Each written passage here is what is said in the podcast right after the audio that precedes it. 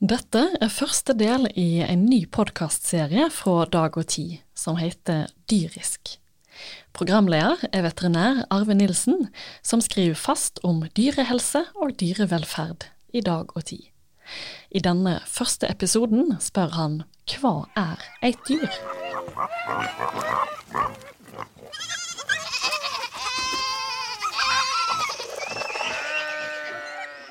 Velkommen til denne aller første podkasten av Dyrisk. Her skal vi naturlig nok snakke om dyr. Vi syns også det virker logisk å starte med det aller mest grunnleggende, og derfor spør vi i den første episoden hva er et dyr? Jeg som leder denne podkasten heter Arve Nilsen. Jeg er veterinær, og jeg er forsker, jobber med fiskeoppdrett, og er fast skribent i Dag og Tid. Dag og Tid er også ansvarlig utgiver for denne podkasten. Jeg kan legge til helt i starten at vi har fått produksjonsstøtte fra stiftelsen Fritt Ord for å lage de her programmene. Da vi jobba med denne podkasten, så tenkte jeg at dette på en måte skulle være dyras egen podkast. Men når vi sitter her i dag på den første opptaksdagen, må jeg bare innrømme at det er skuffende få dyr i studio. Nei, det er, Arve, nå Eller kanskje ikke. Ja, nei, akkurat. Dagens tema er 'Hva er et dyr?' Og siden mennesket absolutt er med i dyreriket, nærmere bestemt en primat, eller i menneskeapet, så har vi jo det dyriske representert rett framfor mikrofonen òg. Jeg er veldig glad for at dere ikke blir fornærma over akkurat den innledninga. Dere tar det som et kompliment. Veldig stolt av å være dyr. Veldig bra. For til premieren så har vi vært så heldige å få med oss to ekstra kunnskapsrike og engasjerte menneskedyr til å diskutere dagens tema med oss. Den ene er du, Ragnhild Aslaug Solund. Velkommen. Jeg er veldig, ja, veldig glad for at du ville være med. Takk. Hyggelig å være her. Du er forfatter, du er samfunnsforsker, du er professor i kriminologi ved Universitetet i Oslo. På eh, din CV så står det at du har jobba med migrasjon og innvandring og kriminalitet. Men du kan jo gjerne starte med å se oss litt hvorfor du er så engasjert i vårt tema dyr. Det har utviklet seg over tid. Eh, som du sa, så jobbet jeg før eh, med forskningsspørsmål rundt migrasjon og flyktninger. Jeg var veldig opptatt av menneskerettigheter. Jeg jobbet bl.a. i en flyktningleir i Honduras. Eh, og jobbet som tolk for flyktninger som kom til Norge. Så dette med menneskerettigheter det var jeg opptatt av. Eh, og da jeg hadde holdt på med det en del år, så fikk jeg stilling på Universitetet i Oslo som professor. Da kunne jeg velge mine egne interesser selv, og da var det med spesisisme egentlig for meg en forlengelse av rasisme og av, brudd på menneskerettighetene. For spesisisme det handler om eh, brudd på dyrs rettigheter hvor vi diskriminerer andre arter bare fordi de ikke er mennesker. Så det for meg var det en naturlig forlengelse hvor rettigheter henger sammen, enten det er rettigheter for mennesker eller om det er rettigheter for dyr. Eh, men så begynte jeg å forske på handelen med truede dyrearter, eh, fordi jeg syns det er et veldig viktig tema. Eh, den forskningen har etter hvert utvidet seg til også å handle om hvordan vi behandler ville dyr i Norge, det vi kaller naturforvaltning. Så dette feltet har jeg forsket på ganske mange år, og da har jeg sett på handel med uh, truede dyrearter i Colombia, i, i Brasil og i Norge, og i hvordan myndighetene håndhever en konvensjon som regulerer handel med truede arter, som heter CITES-konvensjonen. For um, handelen med truede arter er generelt ikke forbudt før en uh, art blir truet med utryddelse, og veldig mange arter listes heller ikke på de appendiksene til denne konvensjonen som bestemmer, som bestemmer hvor truet en art er. Det er et veldig spennende tema. Det her kommer vi tilbake til. Men først må vi hilse på vår andre gjest, og det er du, biolog Anita Eriksen. Hei, hei. Velkommen. Takk. Du er spesielt opptatt av økologi og evolusjonsbiologi, blant mye annet. Hvor starta din interesse for dyr og natur? Det startet fra jeg var veldig liten. Var veldig naturlig glad i dyr og opptatt av dyr, som veldig mange barn er. Eh, men jeg fikk ikke lov til å ha dyr eh, hjemme. Eh, så mitt første kjæledyr var en flue jeg fant, som ikke lenger kunne fly. Og den var jeg veldig opptatt av skulle ha et, et godt liv da, mot slutten. Og jeg var også veldig opptatt av å gravlegge dyr som jeg fant døde ute i skogen, for å gi dem liksom den verdigheten jeg følte de fortjente. da. Men så etter hvert så begynte det å komme flyers fra eh, National Geographic i posten. Så interessen ble større og større og mer og mer eksotisk. Men så skjønte jeg også som ungdom at eh, menneskers påvirkning på naturen og på klima truer nettopp de dyrene som jeg var så glad i, og som jeg hadde lyst til å oppleve. Så da begynte jeg å studere klima og økologi, eh, forvaltning. Men så forsto jeg også ganske raskt på universitetet at uh, dette med bevaring og forvaltning av natur har egentlig ikke noe med natur å gjøre. Det har ikke noe med økologi å gjøre, det har noe med kultur og menneske å gjøre. Så da ble jeg rett og slett uh, primatolog for å forstå både primatene som vi er, altså menneskene, og altså andre ville primater. Men et av mine på en måte hovedengasjement er å knytte mennesket tilbake til naturen. For at vi liksom har separert oss så langt fra det naturlige systemet som vi er en del av, og et produkt av, det syns jeg eh, det syns jeg var litt merkelig. Ja, Du er ikke alene om å ha lest eh, National Geographic i oppveksten, for å si det sånn. Da går vi videre med en gang, og vi skal jo finne ut hva et dyr er for noe. Det er ikke så veldig enkelt spørsmål. Eh, vi skal se litt på hva som skiller dyr fra andre levende skapninger. Og med de gjestene som vi har i studio, så tenker jeg at vi skal komme inn litt på både lovgivning rettigheter, og på biologi, naturligvis. Og vi, vi skal se om ikke vi får tid til å se litt om menneskedyr i samme slengen. Eh, men vi starta med den grunnleggende biologien, og da går vi tilbake til det, biolog Anita Eriksen. Hva er et dyr? Ja, som du sier, så kan det være et komplisert eh, spørsmål å svare på, egentlig. Men har, eh, dyrene har noen fellestrekk. Eh, og det ene er at vi produserer ikke vår egen næring. Eh, vi, ikke som plantene som driver fotosyntese og produserer næring selv, så er vi avhengig av å spise andre organismer og deres produkter eh, for å tilegne oss næring. Så vi må fordøye annet organisk materiale. Også har dyr har sanseceller. Alle dyr har sanseceller. Som de plukker opp ulik type stimuli fra miljøet sitt, som de kan reagere og respondere på. Eh, og det siste er at eh, dyr er flercellede. Eh, de beveger ofte på seg, og så har de De fleste har et sånn type mage-tarmsystem som på en måte er skal ikke gå så veldig inn på det, men som på en måte er utviklet på en bestemt måte, da, sånn celledelingsvis. Men dyreriket er jo stort og så mangt. Alt fra liksom flercellede svamper til, til ulike typer leddyr og ormer til Eh, planteetere og kjøttetere, og aper og apekatter, primatene, da, som vi ja. er en del av. Mm. Så vi er en del av eh, det samme riket som mm. alle andre dyrene. Men eh, ja, det finnes også encella dyr, ikke sant, hvis det bare, så vi har det klart. Du har amøba og flagellata, en del sånne ting som svever rundt. Ja. Det gjør det. Ja. bevegelse, spising og sansing. alle tre må være tilfredsstilt for at det skal være et dyr. Du må ikke bevege deg. Svampene har, står som regel stille, men de fleste dyrene har, har bevegelse i ett stadie av livet. da. Riktig, ja. Mm. Det her med sansing det er ganske spesielt, eller ikke spesielt, det er veldig interessant. Eh, og det er veldig komplekst. Og vi, eh, i dyreriket så har vi utvikla mange avanserte sansesystem. Og så har vi laga oss et, en computer for å håndtere de her sansesystemene, hjernen. Kan du som biolog si litt om altså, hva har vært utviklingshistoria her eh, fra de enkle organismene til de organismene som vi er?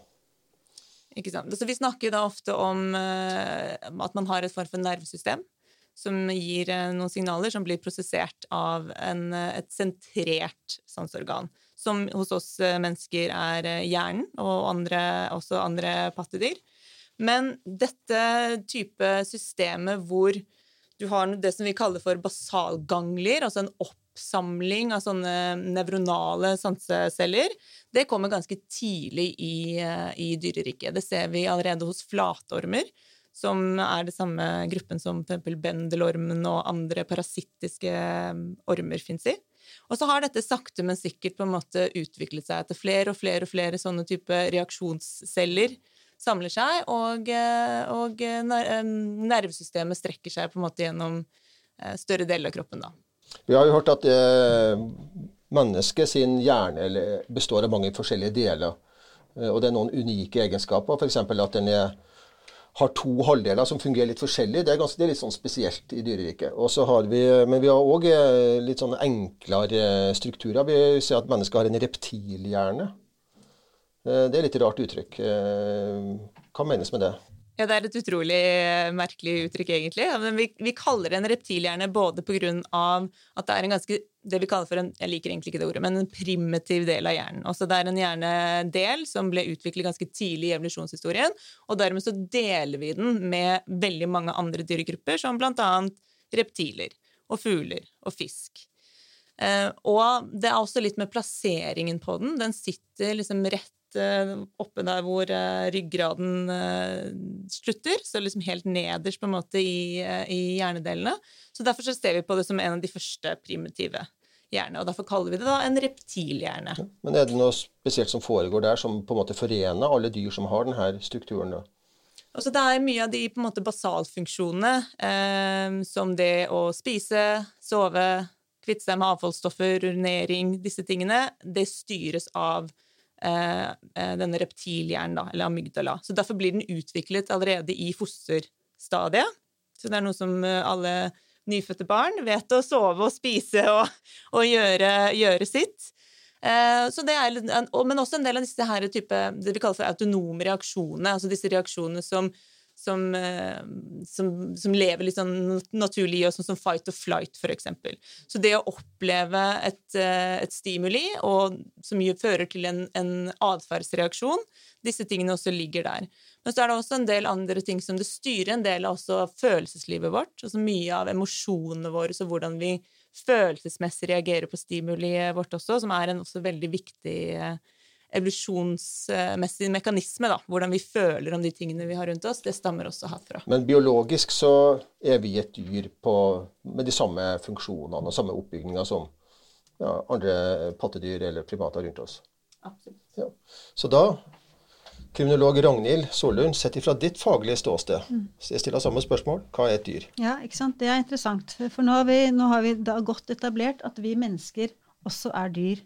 Ikke sant? Men jeg tror at for at vi skal kunne svare på hva er et dyr, som både er sosiologisk eh, og, og, filosofisk og et moralsk spørsmål, så tror jeg vi må vende blikket og se på oss selv.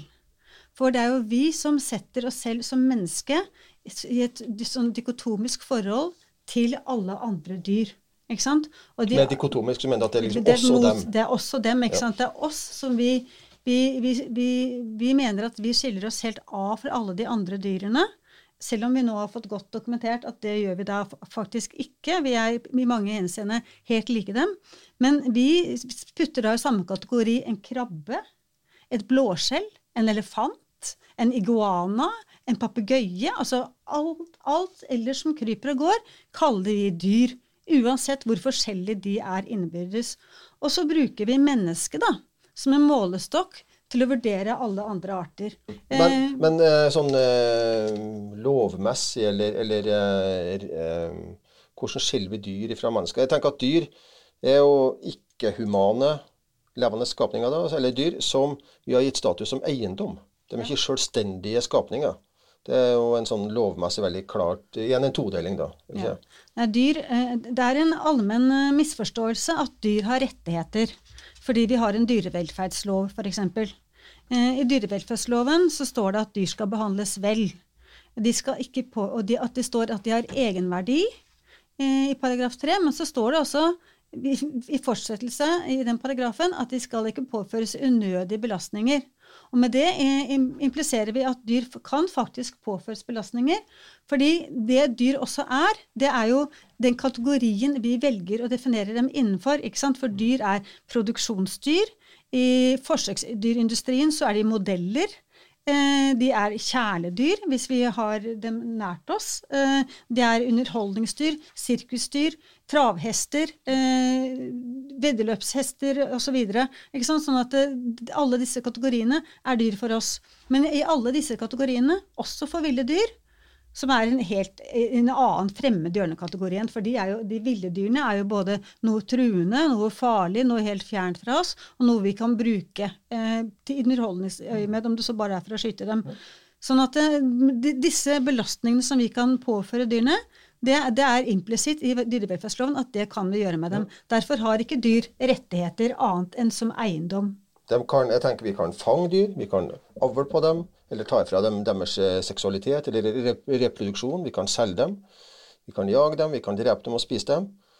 Og vi ser det som viktig økonomisk og kulturell aktivitet for oss mennesker. Og sånn er også lovgivninga utforma. Ja, det er ikke bare dyrevelferdsloven, det er også viltloven f.eks. Og, og naturmangfoldsloven. Det, og det er også typisk fordi at ville dyr de har jo verdi som masse. De har verdi som art, mens eh, de har ingen eh, individuell verdi i våre myndigheters øyne når det gjelder forvaltning av ville dyr. De er eh, høstbare etter hvor mange de har, til og med når de er truet. Alle tenker at for eksempel, eh, eh, Man tenker at dyr i kjøttindustrien i Norge har det godt. Fordi vi har jo en dyrevelferdslov, og vi har jo et mattilsyn. Men ut fra dyrets perspektiv, hvis du tok hensyn til all den kunnskapen vi har om disse dyrene som vi bruker i produksjon til kjøtt og melk og egg osv., hvis vi tok hensyn til de den kunnskapen vi har om deres egenskaper, om deres kognitive evner, om deres behov, så kunne vi ikke behandle dem sånn og si at det er innenfor dyrevelferdsloven, for det er det faktisk ikke. Jeg har lest eh, teorier om hva som er altså forskjellene mellom dyr og, eller oss mennesker og andre dyr. Og, og det er jo noen ting der. Altså, det er jo ingen andre dyr som holder på med de tingene vi gjør. De reiser ikke til månen, de finner ikke opp internett. de... Eh, lager ikke store um, hus. Men det gjør ikke jeg heller. Nei, men du skriver eh, veldig tjukke og gode bøker om eh, dyrerett, og det gjør heller ikke elefanten eller spissmusa. Sånn, sånn at du er atskilt fra dyreriket du òg, syns jeg, på flere måter. Vi går med klær. Vi klarer oss ikke helt uten eh, masse greier. Mange hunder som går med klær nå, da. Flere og flere. Også fordi vi er avladig opptatt og ja. nesten ikke klarer seg uten. Men Anita, det her med språk og det at det er sagt at vi har et språk som kan brukes til å beskrive det som finnes, og det som ikke finnes. Og med de metaforene og det komplekse språket, så kan vi lage sosiale strukturer som andre dyr ikke er i stand til. Vi kan samarbeide på tvers av store grupper, og vi kan gjøre veldig kompliserte ting sammen. Og det har vært vår suksesshistorie. Hva tenker du om det? Jeg tenker jo at uh, mange av de tingene som vi så på som veldig unikt uh, for vår art, uh, som kultur og språk, og som har vært inne på med verktøybruk og det å organisere jakt i store jaktlag og disse tingene Flere og flere av disse tingene er jo nå motbevist. Nå som vi har studert mer av atferden til, til andre ville primater. Men jeg tror nok at det som er den vesentlige forskjellen her, er ligger i læringsprosessen. Det er det vi ser skiller eh, Homo sapiens fra eh, sjimpansene, er at vi driver med det som vi kaller for aktiv læring. Og det vil si at vi eh, aktivt går inn og viser barna våre hvordan ting skal gjøres, og vi lærer de veldig bestemte systemer som de følger slavisk. Hvis du sitter og spiser med din eh, treåring, og den har en kniv og en gaffel i hånda, og sitter og fikler med det, så vil du fysisk gå bort og rette på hendene, vise fysisk hvordan han selv skal gjøre dette. Og så lærer vi eh, systemer, og så bygger vi videre på det. Mens andre ville primater har det som vi kaller for sosiallæring. De lærer kun ved observasjon.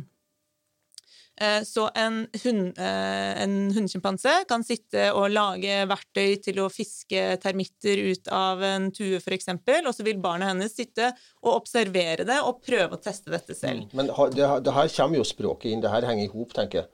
Fordi at For å forklare barna våre eh, hva de skal lære, så er vi nødt til å bruke språket, ellers så var vi jo tilbake igjen der med show and tell, eller vis hva som skal gjøres. Ragnhild? Mm. Jeg vil veldig gjerne tilbake til dette med språk og til papegøyer. Fordi det er en, en, psykolog som heter Arvin Pepperberg. og Hun har forsket på afrikanske jakkopapegøyer i 30-40 år.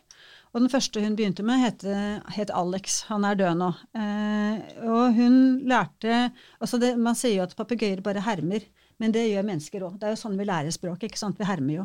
Uh, og Alex og de andre papegøyene, Arthur og Griffin, er blitt veldig gode til å snakke. ikke sant? Og de bruker språket logisk, og de snakker da engelsk med, med Pepperberg. Uh, og de, Alex kunne forskjell på konkrete og abstrakte begreper. Han hadde lært bokstaver, han hadde lært å telle. Eh, men det mest fantastiske syns jeg var da Alex en dag sto og så seg i speilet. For vet, dere vet denne eh, speiltesten for å se om dyr har selvbevissthet. Alex står da og ser seg i speilet, snur seg litt rundt, ser på stjerten sin, og så sier han til Iron Pepperwork Hvilken farge har jeg? Og det tenker jeg er en, et utsagn fra en papegøye som dokumenterer både selvbevissthet, evne til abstrahering og eh, et, et vel utviklet kognitivt nivå. Jaha, og det her er ting som ikke bare er tilfeldige kombinasjoner. av Nei, for det, det, for det, det også det skjønner du med, med afrikanske jakkepapegøyer. De har dårlig fargesyn. Så denne grå fargen som dekker det meste av kroppen, også den røde stjerten, og så er det litt hvitt rundt øynene. Det var kanskje farger som ikke var så lett for Alex å identifisere. Og kanskje hadde han ikke lært rød ennå. Nettopp, ja. Men du, ja, språk, er, språk er interessant, og det, vi vet jo at dyr har språk. Ja, så vet vi at duer kan skille mellom forskjellige klassiske komponister, at de har preferanser når det gjelder kunst, f.eks. At de foretrekker impresjonister foran, foran Picasso. Men jeg har lest at dyr har eh, eh, kan, Særlig fugler da, har veldig god eh, evne til å forholde seg til symmetri, f.eks. At det er sånn basale trekk som vi tar med oss inn i kunstforståelse, ligger allerede i fuglehjernen. Eh, eh, men språk eh, Vi snakka om at språket var en av de tingene som eller Det abstrakte språket har gjort oss i stand til å uttrykke veldig avanserte ting. Men språk kan òg være et, eh, et fengsel, fordi det kan på en måte definere hva vi tenker om f.eks. dyr. Og du Ragnhild, du har skrevet i boka di 'Bare et dyr' om hvordan vi velger ord. Du kaller det språkets legitimerende kraft. Jeg tenker spesielt på det med grisen, da, for eksempel. Som, eh, alle som har jobba med gris, eh, vet at det er et følsomt, sosialt, renslig og nysgjerrig vesen. Og så har vi en gris som selve dyrenavnet er et negativt begrep i seg sjøl. Din gris. Og så tenker vi masse negative tanker, og det er jo veldig urettferdig. Ja. Og du har skrevet en del om det her. Ja, eh, fordi eh, altså Jeg tror ikke det er noe så utbredt skjellsord om andre mennesker enn å kalle dem et svin. Det, er, det, det går igjen, og, det, og det, er, det er så inngrodd i oss eh, hvordan hva slags språk vi bruker. Og det er så mange skjellsord som henspiller på dyr. Det er så mange utsagn. Dum som en høne, f.eks. sta som et esel. Noe, innenfor noen av disse kategoriene så kan det faktisk ligge kanskje implisitt en kompliment. Men stort sett så er det eh, ord som er nedsettende, språk som er nedsettende, og som legitimerer at vi mishandler dem og bruker det som vi gjør. Og det, det typiske er jo dette med produksjonsdyr, som vi har vært inne på. For det sier jo at dyret er jo bare til produksjon av noe vi skal ha. Mat. Ikke sant? Mm, det er litt problematisk eh, begrep å bruke om ei gruppe veldig høyt utvikla dyr. Ja. Produksjonsdyr er sammenligna f.eks. med hund, og vi blir jo veldig moralsk forarga når vi hører om at de i Kina spiser hund. Ja. Mens vi eh, har eh, bacon til frokost hver dag og syns det er helt OK. ja. Det er jo ikke noe sånn veldig logisk. Nei, det er ikke noe logikk. Det, det, fordi at vi beholder jo ikke dyrene ut fra deres kognitive evner og ut fra deres evner, ut fra deres behov. Vi behandler dem hele tiden ut fra våre behov. Og det er det, og det, er det som definerer hva slags behandling vi kan gi dem. Da, Og da hjelper språket. vi er inne på, nå er vi inne, dypt inne på språk, og vi er inne på eh, enda dypere vann. Vi skal snakke om bevissthet, og vi skal dykke litt ned i hva dyr holder på med, egentlig. Anette, vi har snakka litt om, eh, tidligere om bevissthet, at det kan bestå av ulike mentale egenskaper. Eh, Du har jobba med menneskeap eller primater. Hva, hva tenker du er likheten mellom oss og dem, eller, og hvor tenker du at vi skiller lag når det gjelder det her med bevissthet? Det er et uh, veldig uh, vanskelig spørsmål. Fordi jeg kan ikke sitte og med to streker under svaret fortelle at uh, her skiller vi veldig lag. Mer omvendt. Det er veldig få ting med mennesker og menneskelig atferd som lenger overrasker meg, fordi jeg ser at vi deler, nok, vi deler en ganske sterk evolusjonær nedstamning som gjør at vi har veldig mye av de samme eh, I en gruppe finner mange av de samme personlighetstypene. Vi finner veldig mange av de samme atferdsmønstrene. Eh, og man kjenner seg eh, utrolig igjen i disse dyrene som vi forsker på. Um, det er klart, jeg vet ikke om de har en sånn samme type eh, trang til å liksom hele tiden eh, Jeg har en sånn tendens til å havne i en sånn treårssyklus. Hvert tredje år så får jeg en sånn eksistensiell krise. Hvem er jeg? Hvor vil jeg? Hva er det jeg skal med livet mitt? Eh, men hvordan skal jeg vite det? Hvordan skal jeg, som bare står og observerer atferden disse dyrene, vite alt de tenker på, og hva de um, egentlig driver med. Sant? Det er dette med liksom abstrakt tankegang også.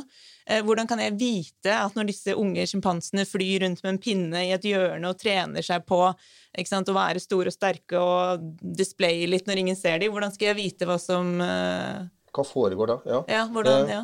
På veterinærstudiet og i, i, innenfor veterinærfaget så, så har jeg oppfatta at vi eh, ofte blir oppfordra til å observere atferd, men uten å legge spesifikke mentale egenskaper inn i det. Sånn at det er med bevissthet eh, Hvor mye trenger vi egentlig å vite, tenkte Ragnhild, om dyrs bevissthet for å for å bruke det til noe? Jeg tenker at vi, vi kan komme ganske langt med, med sunn fornuft. Du snakker om å observere dyr. Eh, det har lenge vært en sånn stor advarsel når det gjelder forskning på dyrs atferd og, og, deres bevissthet, at man skal ikke antropomorfisere dyr. Man skal ikke tillegge dyr menneskelige egenskaper.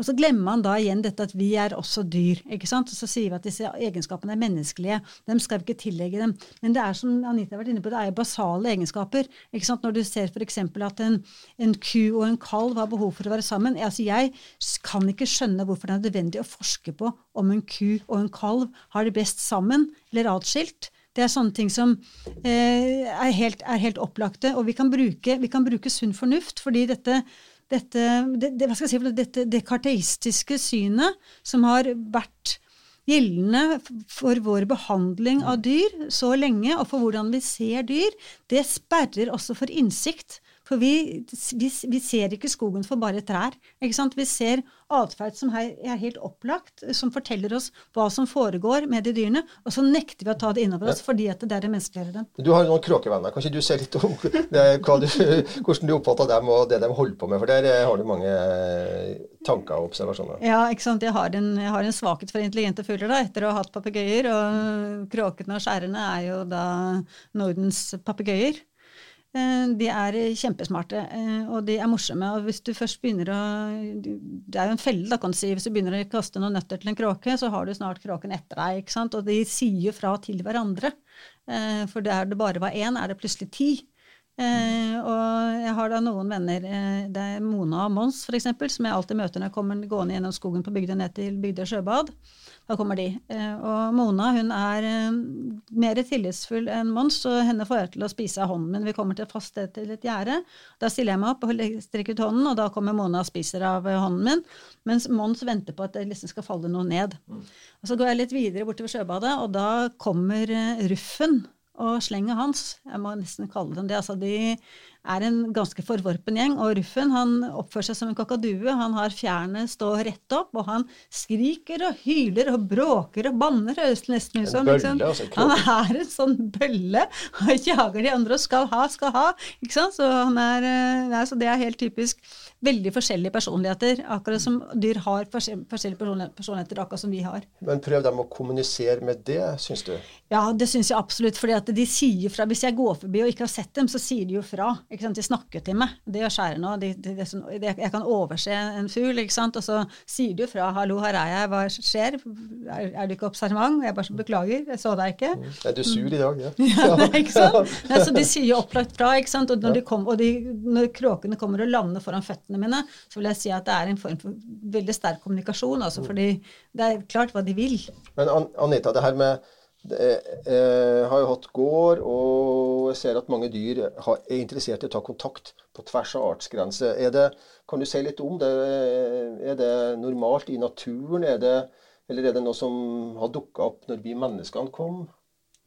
det er mange andre dyr som også er eh, nysgjerrig på det. Nysgjerrig på å oppsøke andre arter og, og ta kontakt på ulike måter. Eh, enten om det er en form for eh, symbiose, altså at det er et samarbeid eller en form for samspill som enten begge to vinner på, eller den ene vinner på, den andre taper på, så ser vi jo at denne interaksjonen mellom ulike arter i naturen, det, det ser vi jo på hele tiden. Og det er klart at jeg har møtt mange dyr som også er nysgjerrig på både oss som mennesker, men også sånn som et veldig typisk kjæledyr hos oss, som er hunden. Som var liksom den første ulven, da, som den første dyret vi domestikerte. Så er vi heller ikke den første primaten som har et form for samarbeid med et hundedyr. Sånn at det finnes mange arter som kommer overens over en viss sånn form for samarbeid. Vi kan sameksistere. Hvis, vi, hvis, det er noen uskrevne regler her, så kan vi samarbeide fint sammen. Jeg tenker at vi fort kommer inn i observatørproblematikk. fordi at uh, når vi har samhandla med dyr, så samhandler de med oss. Og da kan vi se mer av oss i dem enn de opprinnelig har kommet til å vise. Eh, F.eks. hunder. De kommuniserer bruker veldig lite lyd til å kommunisere med hverandre. Ulver bruker veldig lite lyd. Kanskje den ulinga, da, men det er ikke noe bjeffing. Mens eh, tamhunden har lært seg til å kommunisere med oss mennesker. Han har lært seg til å skjønne vårt kroppsspråk, kanskje en del kommandoord. Og de har lært seg å bruke bjeffing til å kommunisere med oss. Og, og katter bruker mjauing for å kommunisere med mennesker, men mm. kommuniserer ikke med hverandre med å mjaue. Men ser vi ikke da samtidig mer av oss sjøl i dyrene fordi de speiler oss som mennesker, tenker jeg. Er det så galt, det, da? Nei, det At vi, Å speile seg i en annen art? Å speile seg i en forståelse med, en, med en, en nærstående, et nærstående dyr av en annen art, det er jo det beste som fins, det. Mm. Jeg tenker helt omvendt ofte. altså Istedenfor at jeg tenker at uh, dette dyret er da merkelig likt meg, så tenker jeg helt omvendt. Jeg er da merkelig likt uh, dyret her, og har lært mange ting om både meg selv og min måte å håndtere verden på av, uh, av hvordan ville dyr oppfører seg. For de som sier det er mange ulike personligheter. Eh, du har bekymreren, du har han som liksom går den eh, Ikke nekter å gå den smale stien. Du har liksom alle de. Så det er et par, eh, par ville dyr som jeg har med meg som sånne Det der skal jeg motiveres av. Jeg skal bli mer sånn som deg. Uh, en annen ting som vi var litt inne på det med fargesyn, men, men dyr, mange dyr har helt andre sanser enn vi har. Annen kvalitet, og kanskje helt andre sanser. Noen oppfatter elektromagnetisme. Eh, noen oppfatter eh, helt andre lysspekter. Eh, elefanter f.eks. Kan oppfatte veldig dype lyder, helt ned i 10, under 10 hertz. Altså det, De kan kommunisere med så dype brummelyder at du kjenner bare som during i bakken. Det har du kjent, Anita, faktisk? Altså ikke, det er sikkert en del eh, av det spekteret jeg ikke har eh, kjent, men noe av det kan du, eh, kan du faktisk kjenne på. At det er en viss form sånn vibrasjon i, i, bakken. Og den lyden, den liksom dype, dype lyden som du virkelig må stå stille for å, for å, for å høre selv, da. Den er ganske intens. Og det merker du også på elefantflokkene, at det er noe som, som skjer.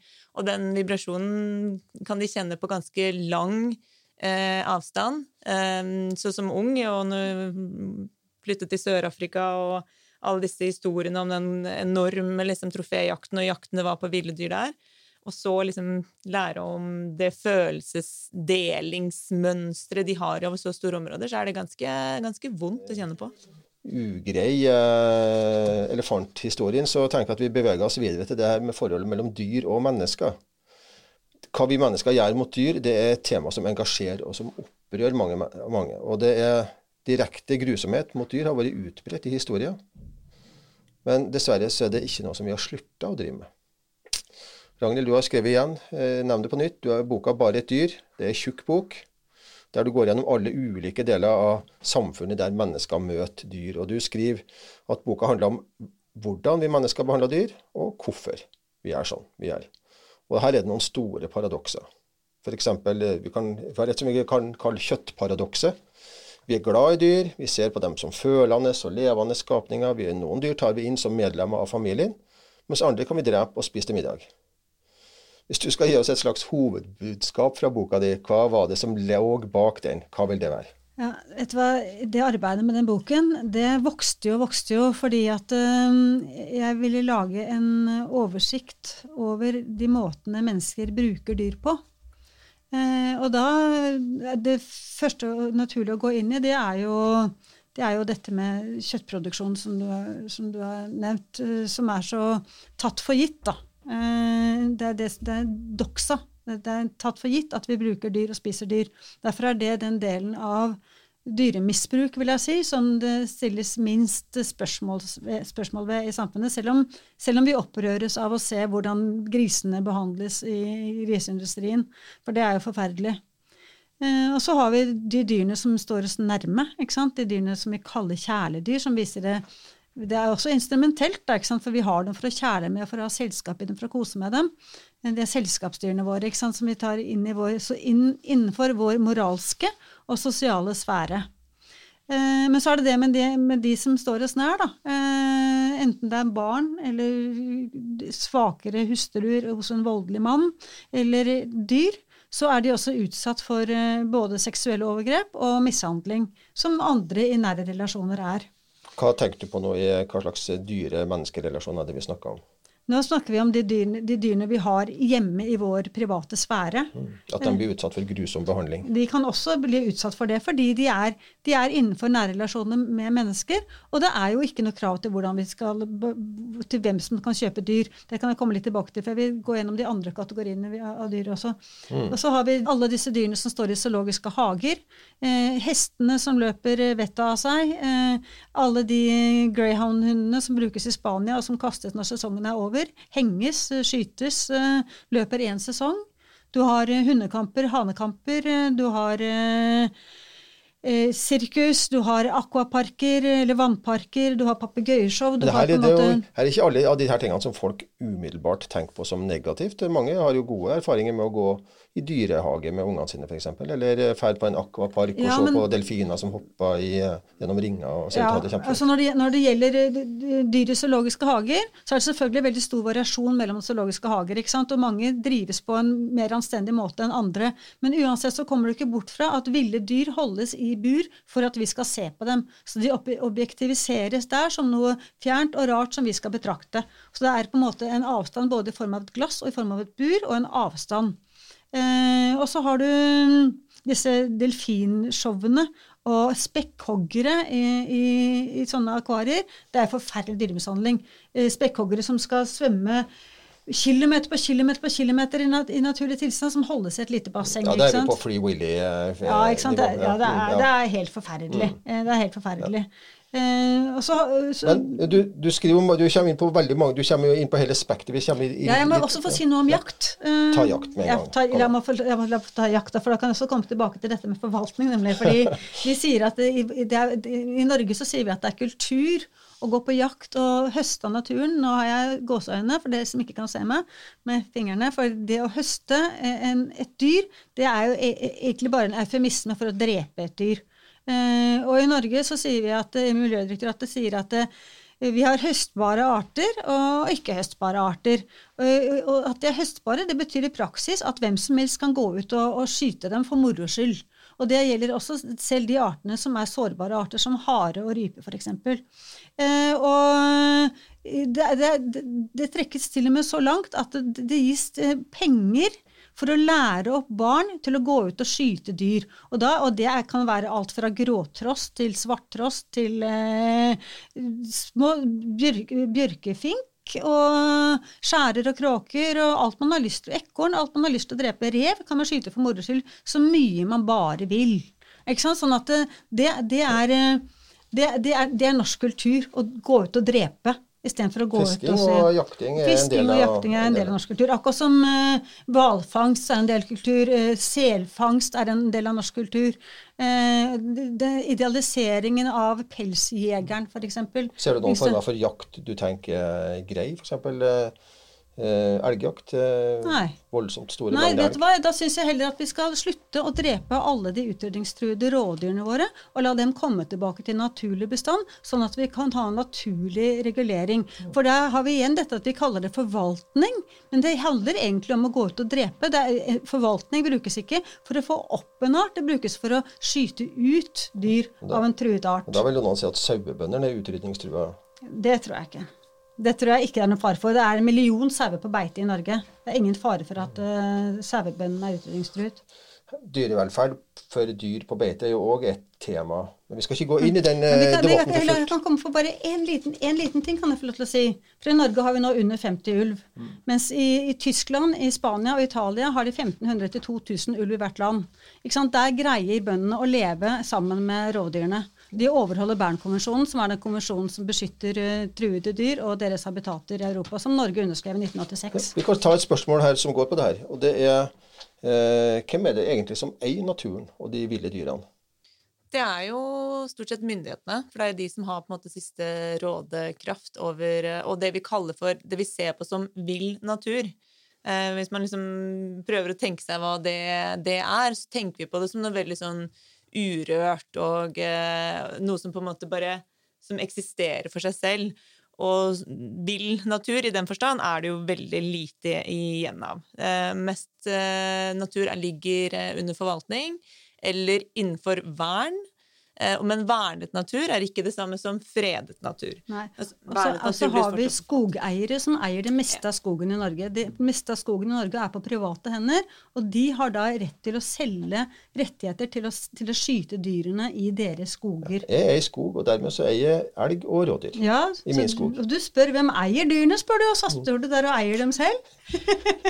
Jeg har rett til å spise én elg i året, f.eks. Hvilket jeg gjør, da. Vi har jo på en måte definert en, en rettighet for oss mennesker, og det er å drepe dyr. Men under gitte betingelser. Vi har en dyrevelferdslov som sier noe om hvilke dyr vi har lov å drepe under hva slags betingelser, og hva som skal til for at det skal regnes som, som uh, humant. Det er, det er veldig mange altså Vi har vært inne på dyrevelferdsloven og, og viltloven og naturmangfoldloven. Eh, som, som legger, de to siste legger da um, regler for hvordan du skal drepe og hvem du kan drepe. Eh, men så har vi også et utall med forskrifter for hvordan du skal drepe de dyrene som er tamme, da, som er domestiserte. Eh, hvordan, du, hvordan du skal slakte dem. Hvordan du skal henge opp eh, kyllingene på samlebånd, sånn at de får kuttet halsen av seg når de passerer rundt på, på, på samlebåndet. Hvordan du skal kverne kyllinger, er det forskrift om. Da kommer vi tilbake til dette med dyrevelferdsloven. fordi hvis det er lov til å kverne kyllinger levende, da kan man jo lure på hva slags beskyttelse dyr egentlig har i loven. Ja, det er fordi eh, vi kan eh, jo skjøte inn det at eh, verpehøns legger egg, som da blir, eller foreldredyrene legger egg. og Det blir ca. halvparten hanekylling og halvparten Ja. hø- hønekyllinger. I Norge så blir de hanekyllingene sortert ut som daggammel, og den blir kverna levende. Ja. er en sånn der mixmaster som er i midten av bordet. ja. I andre land, f.eks. Tyskland, så har de eh, gått i retning av at det skal skje en kjønnsidentifisering mens de er egg. ja. Men eggene eh, har jo, det er òg en kylling inni det egget, så det er liksom, eh, du må finne et tidspunkt som er tidlig nok, da. Mm. De, for, de forbyr nå kverning av levende kylling i, i flere land i Europa. Og, og EU har jo f.eks. mye strengere regler for dyrevelferd enn det vi har i, i Norge på mange punkter. Altså. Ca. tre millioner kyllinger som kvernes i, i året. Ja. Det går ganske fort, da. Men eh, Ja, det, er ikke mye, det er ikke mye til liv de får. hva tenker dere om, eh, om det med, med å spise egg, fisk, kjøtt, bruke dyr til denne typen formål? Anita? Altså, jeg tenker jo at det i utgangspunktet ikke er noe eh, unaturlig, da, fra et biologisk standpunkt, at vi spiser eh, både planter og fisk og kjøtt. Men det, vi har ikke behov for å spise kjøtt. Eh, vi kan fint livnære oss på andre organiske materialer som vi finner rundt oss. Eh, flere andre folkegrupper finner mye sterkere proteinkilder i kokosnøtter og bønner og ris og andre ting. Ikke ris, kanskje, så mye proteiner, men ja. Så, det, så det finnes mange andre alternativer til det. Så det at vi spiser kjøtt, det er et valg vi bevisst tar.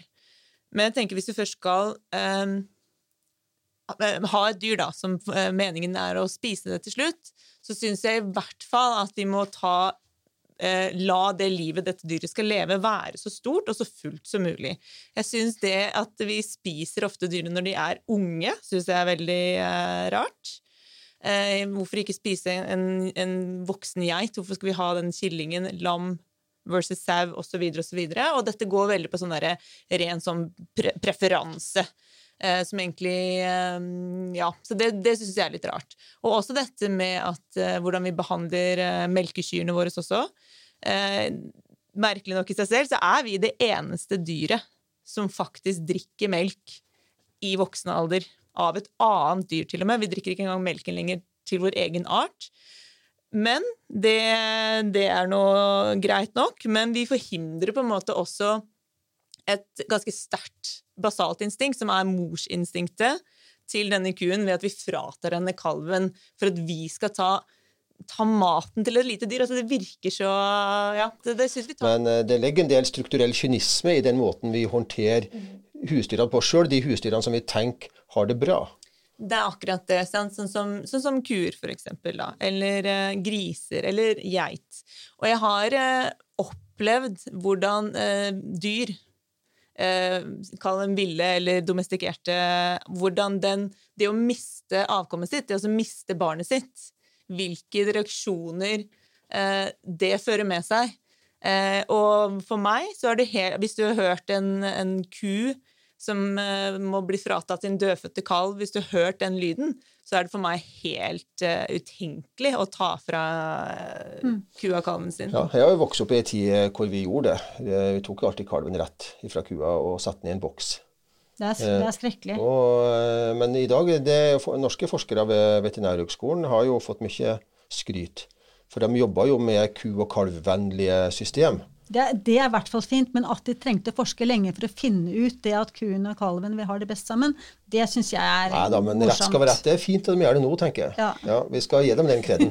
veldig fint at de forsker på det, og vi kan jo veldig mye mer om disse dyrene nå enn det vi gjorde før også. Mm. men det, dette er en sånn endringen på, fra vi faktisk innser at det vi gjør nå er galt, til vi faktisk tør å gjøre en endring på det. En lovbestemt endring, som er den eneste endringen som faktisk eh, har virkning, tar utrolig lang tid.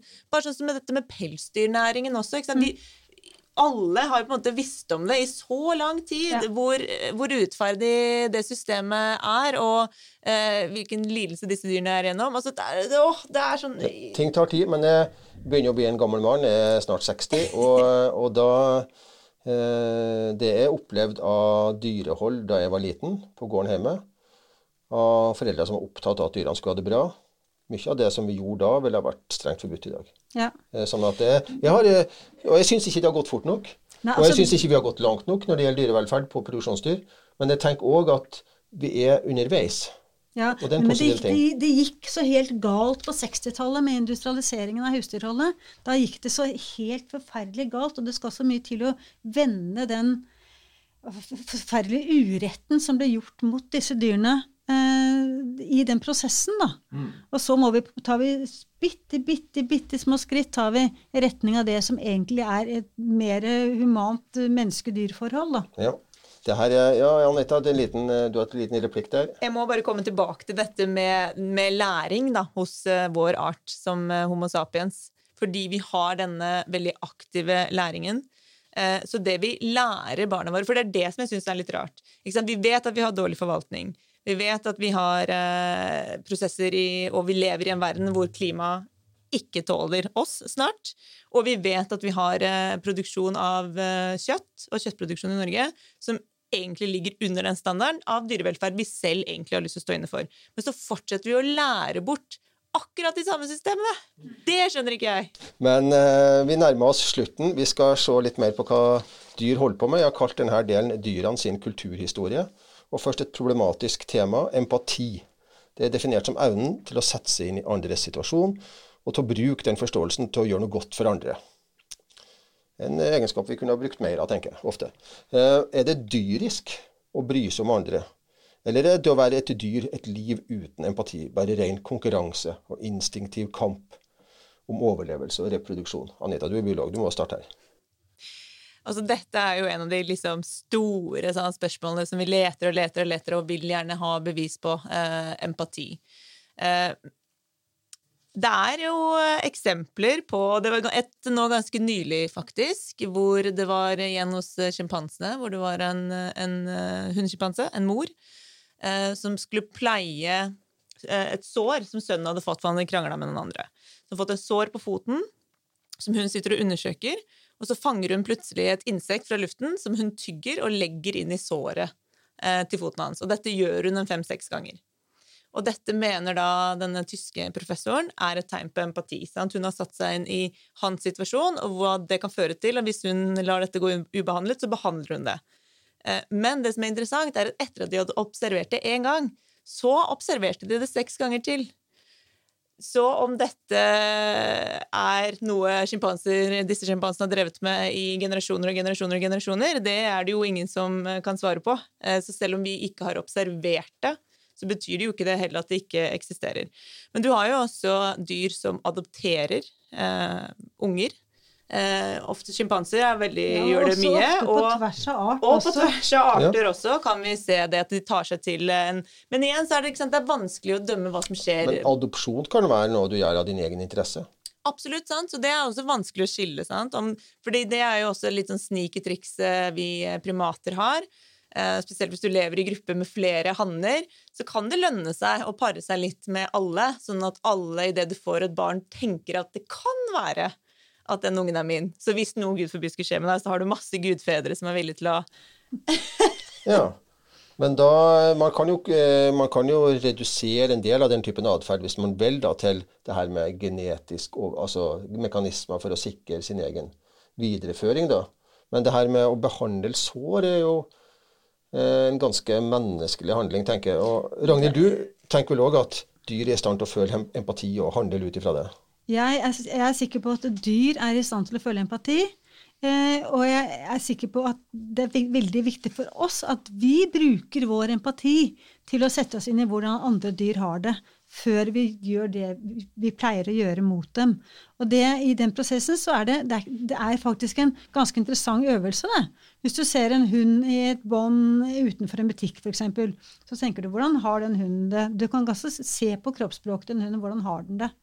På samme måte som du kan se på en kalv eh, hvordan den har det, eller på en gris hvordan den har det. Du kan prøve å sette deg inn i de følelsene og tenke hvordan ville jeg hatt det i den situasjonen der.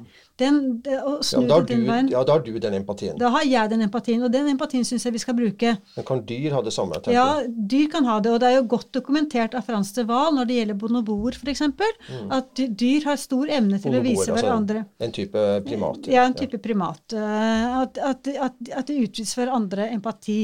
Jeg tenk at eh, jeg tenker at det er ikke unaturlig om empati, både aggresjon og empati og evne til å ta vare på ungene våre er ting som vi har med oss fra dyreriket. Det vil være rart hvis det ikke var det, tenker jeg. Ja, vi er jo en del av dette mm. dyreriket. Og det som er viktig å huske på, at i alle andre eh, evolusjonære mekanismer og strukturer Det har skjedd over eh, millioner, millioner, milliarder av år. Det er ingenting som er evolusjonært mulig, har dukket opp som et trylleslag i oss som art alene. Men jeg vil tilbake til noe som jeg syns er litt eh, trist, og det er at dyr også har evne til grusomhet. Mm. Sånn som jeg ser det. Jeg ble f.eks. ganske skuffa, mange ble skuffa, da det viste seg at sjimpanser kunne overfalle naboene sine og drepe og spise ungene deres. Jeg tenkte at sjimpanser satt og spiste bananer. Det gjør de ikke, de spiser ikke banan, men de spiser andre ting. Eh, men løver Det å drepe Unger er ganske utbredt. Løver gjerne. Eh, løvehunder lager ofte litt sånne venninnegrupper som støtter hverandre eh, mot eh, sånne rovmorderhanner. Bjørnehanner er spesielt upålitelige. Ja, isbjørnene. Ja, tydelig, ja. For at binna skal komme i brunst, så skal de pare seg med barnemorderen etterpå. Hvor Men empatisk Det er mannfolk! Ja! OK, du For tenker at empati og menn er lik vi er litt Nei, nå ble det litt uh, satt ut her nå. Uh, Men, for jeg føler at uh, vi kan ikke dra inn kjønnsperspektiv her nå. Nei, det, da, da, må vi ha, har vi en episode til. Men dette med infantasi da, i dyreriket er vanligere enn vi tror. Og jeg skjønner veldig godt at du blir skuffet over denne gruppen med sjimpanser som tar livet av naboens unger. Men bare for å snakke om noe veldig ubehagelig for oss, da. Vi må anerkjenne vi er, vi er bare dyr, vi også, og denne atferden ligger også i mennesker. Infantisid hos mennesker i Norge er nok mer vanlig enn det folk egentlig har lyst til å akseptere. Og det er det samme type systemene. Men Et bare lite spørsmål. Ragnhild, mm. du er jo kriminolog. Kan ja. du bekrefte det Anita sier her? Det kan jeg ikke, for det har jeg ikke noe forskning eh, på. Eh, jeg har ikke gjort det selv, og jeg kjenner ikke noen studier som dokumenterer det. Eh, men det, men det jeg vet det er mye av, det er jo seksuelle overgrep ja. mot dyr. Det er ja. det mye av. Okay, okay. Unnskyld, men, jo, nei, men dette er jo også Jeg vil jo også påpeke at, det, at det, det, er ikke noe som er på en måte eh, genetisk determinert. At de artene de tar livet av andre sine unger for å pare seg selv. Det også, har også litt med personlighet å gjøre, og de kan ta bevisste valg om det. Eh, så når vi snakket sammen på telefon, og du fortalte meg hvor grufull denne sjimpansehandlingen var, så eh, når jeg jobbet med eh, en apeart i Etiopia som heter gelada, de lever i familiegrupper som samarbeider i store flokker. Eh, hver familiegruppe har en dominant hann, og rundt periferien så flyr det en sånn bachelorgruppe og romsterer. Så disse dominante hannene som har på en måte kontrollen på disse damene sine, han vil eh, bli overtatt, ofte drept, av en bachelorhann. Hvis disse hundene da har unger, så er jo det sant, sånn som bjørn og som andre arter, vanlig at den tar livet av disse ungene eh, for å kunne eh, reprodusere seg raskere selv. Men eh, en av de siste tingene som skjedde mens jeg var på fjellet, var at de hadde en sånn familiegruppe hvor tre av hundene fikk, fikk unger ganske på en og samme tid. Eh, og bare en måned senere så var jeg hjemme. og fikk en melding på mail om at eh, en annen han hadde tatt over den gruppa. Og da lå jeg våken noen netter og bekymret meg over disse ungene.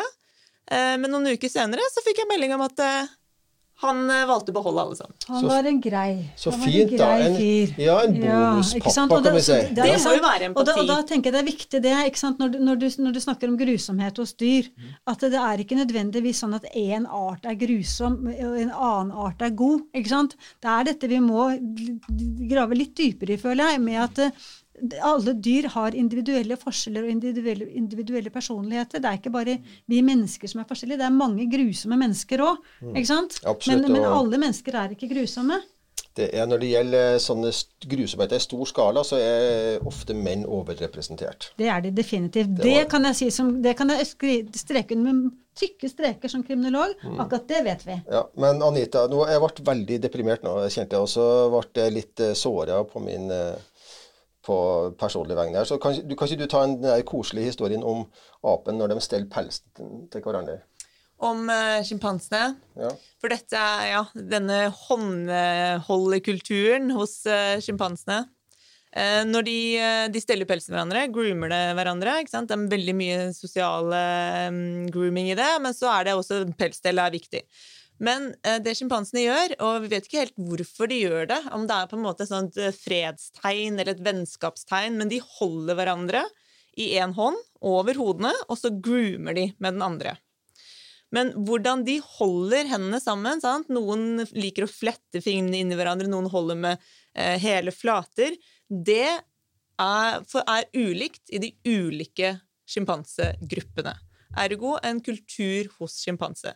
Så hvis vi da som hunder eh, flytter ut av vår familiegruppe og finner en annen familiegruppe, så må vi nok tilegne oss deres kultur i hvordan vi skal holde hender mens vi steller pelsen. Det var litt mer fredelig. Jeg følte at det roa stemninga litt. Det var godt. Og så kan vi ta en kosehistorie til om spermhval. Eh, har akkurat lest, det Som under fødselen blir hjelpa av andre spermhvalvenninner. De blir jo ikke jordmødre, men havmødre, faktisk. Den nyfødte ungen kan ennå ikke svømme. Mora kan være litt sliten etter fødselen, og da er det flere spermhvalvenninner som stiller opp og løfter den lille ungen opp til overflata, han får puste. Så får han dratt sine første åndedrag, og så kommer han seg litt i svømminga, og så kommer mora etter, og så får hun overta. Eh, og det syns jeg var jo Det er veldig vakkert. Og da også at sjiraffbestemødrene også hjelper eh, sine døtre med deres barn. Det syns jeg også er veldig vakkert. Og det må jeg jo si, da, at hvis man eh, er ute i naturen for å eh, drepe noe eller eh, høste av et eller annet, eller liksom bare bruke av det som en ressurs, så mister man muligheten til mange av disse øyeblikkene, som eh, hvis man bare stopper opp og observerer litt. Bare på en trestamme nå på våren, eksempel. Bare stoppe opp litt og kikke litt i solveggen, så er det mye liv. Ja, men det er en god oppfordring. Nå er det vår, det er liv. Ja. Eh, gå ut og se på det. Stopp og snakk med en rødstrupe, vil jeg anbefale ja. sterkt. Så fint. Ja, men gjerne. Kjære. Ja, ja men det er, det er fint, altså. Det er, det er en oppfordring som vi kan ta med oss ut, eh, alle sammen. Eh, og så tenker jeg at vi kunne holdt på i så mange timer. Det er så mye stoff her som ikke vi har fått tid til å komme inn på. Eh, men vi må runde av. og en av de viktigste personene i moderne vestlig historie, Benjamin Franklin, han var en av grunnleggerne av USA. Han var diplomat og motstander av slaveri og forkjemper for gratis bibliotekvesen og effektiv postombæring. Han har sagt skal du overbevise noen, så må du appellere til deres interesser og ikke til deres fornuft. Og Vi har jo snakka om det her. Vi kan jo så mye om dyr i dag. Vi vet så mye om dyrs behov og dyrevelferd. Så fortsetter vi å gjøre de feile tingene. Hvis dere skulle komme med en, et avsluttende appell da for, for at menneskene skal ta mer hensyn til dyr og dyrs behov og rettigheter, hva skulle det være? Ragnhild? Ja, altså Nå har jeg skrevet den boken nettopp fordi at dyr omgir oss på alle kanter. Uten at vi nødvendigvis tenker over at, gjør, over at de gjør det, at vi bruker dem som produkter. Men de er også rundt oss overalt. ikke sant? Så det er noe med å, å se dem og forsøke å se dem og forstå hvem de er, og hvordan de har det. Og lære å sette seg inn i det som faktisk finnes av kunnskap. Og tenke selv, altså. Ikke, ikke tenk at fordi at eh, staten sier det er greit å gå ut og, og, og høste måltrost, så er det greit.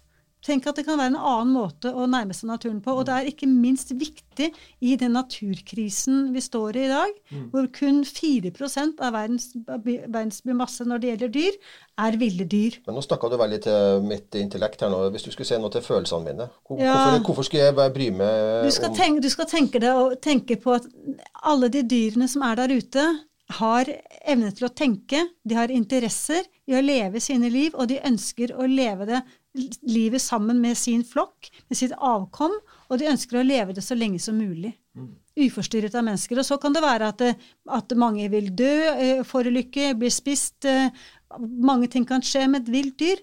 Du skal i hvert fall få en sjanse uten at vi skal gå løs på det. Men kanskje mitt liv blir litt rikere hvis det stoppa og snakka med det ekornet i morgen, eller den rødstrupen. Det tror jeg. Mm. Anita, hva du vil si?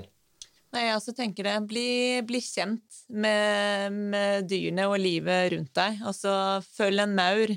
Eh, bli kjent med en flue. Eh, lev deg litt inn i hvilken verden de lever i, og hva de driver med. Og tør å stoppe og forundre deg litt over at de også er et komplisert produkt av en veldig komplisert historie. Ja. Um, Alle sammen er små mirakler. Mm. Ja. Kanskje vi skal sitere det mest kjente norske sitatet 'Alt henger sammen med alt'. Er vi litt der? Der er vi. Absolutt. Og er du, hvis ikke du er litt sånn nysgjerrig på hva en liten bladlus sitt liv altså hvis det, det forundrende ting som kan skje med en bladlus Det kan godt tenkes at, den, at det er noen som uh, melker den også. Ja. ja. ja eh, tusen hjertelig. Altså. Jeg vil eh, for min egen del bare avslutte med å si tusen takk igjen til biolog Anita Eriksen og til kriminolog og professor Universitetet i Oslo, Ragnhild Aslaug Solund, for at dere delte av deres tid, kunnskap og ikke minst engasjement i lag med oss i denne første utgava av podkastserien Dyrisk.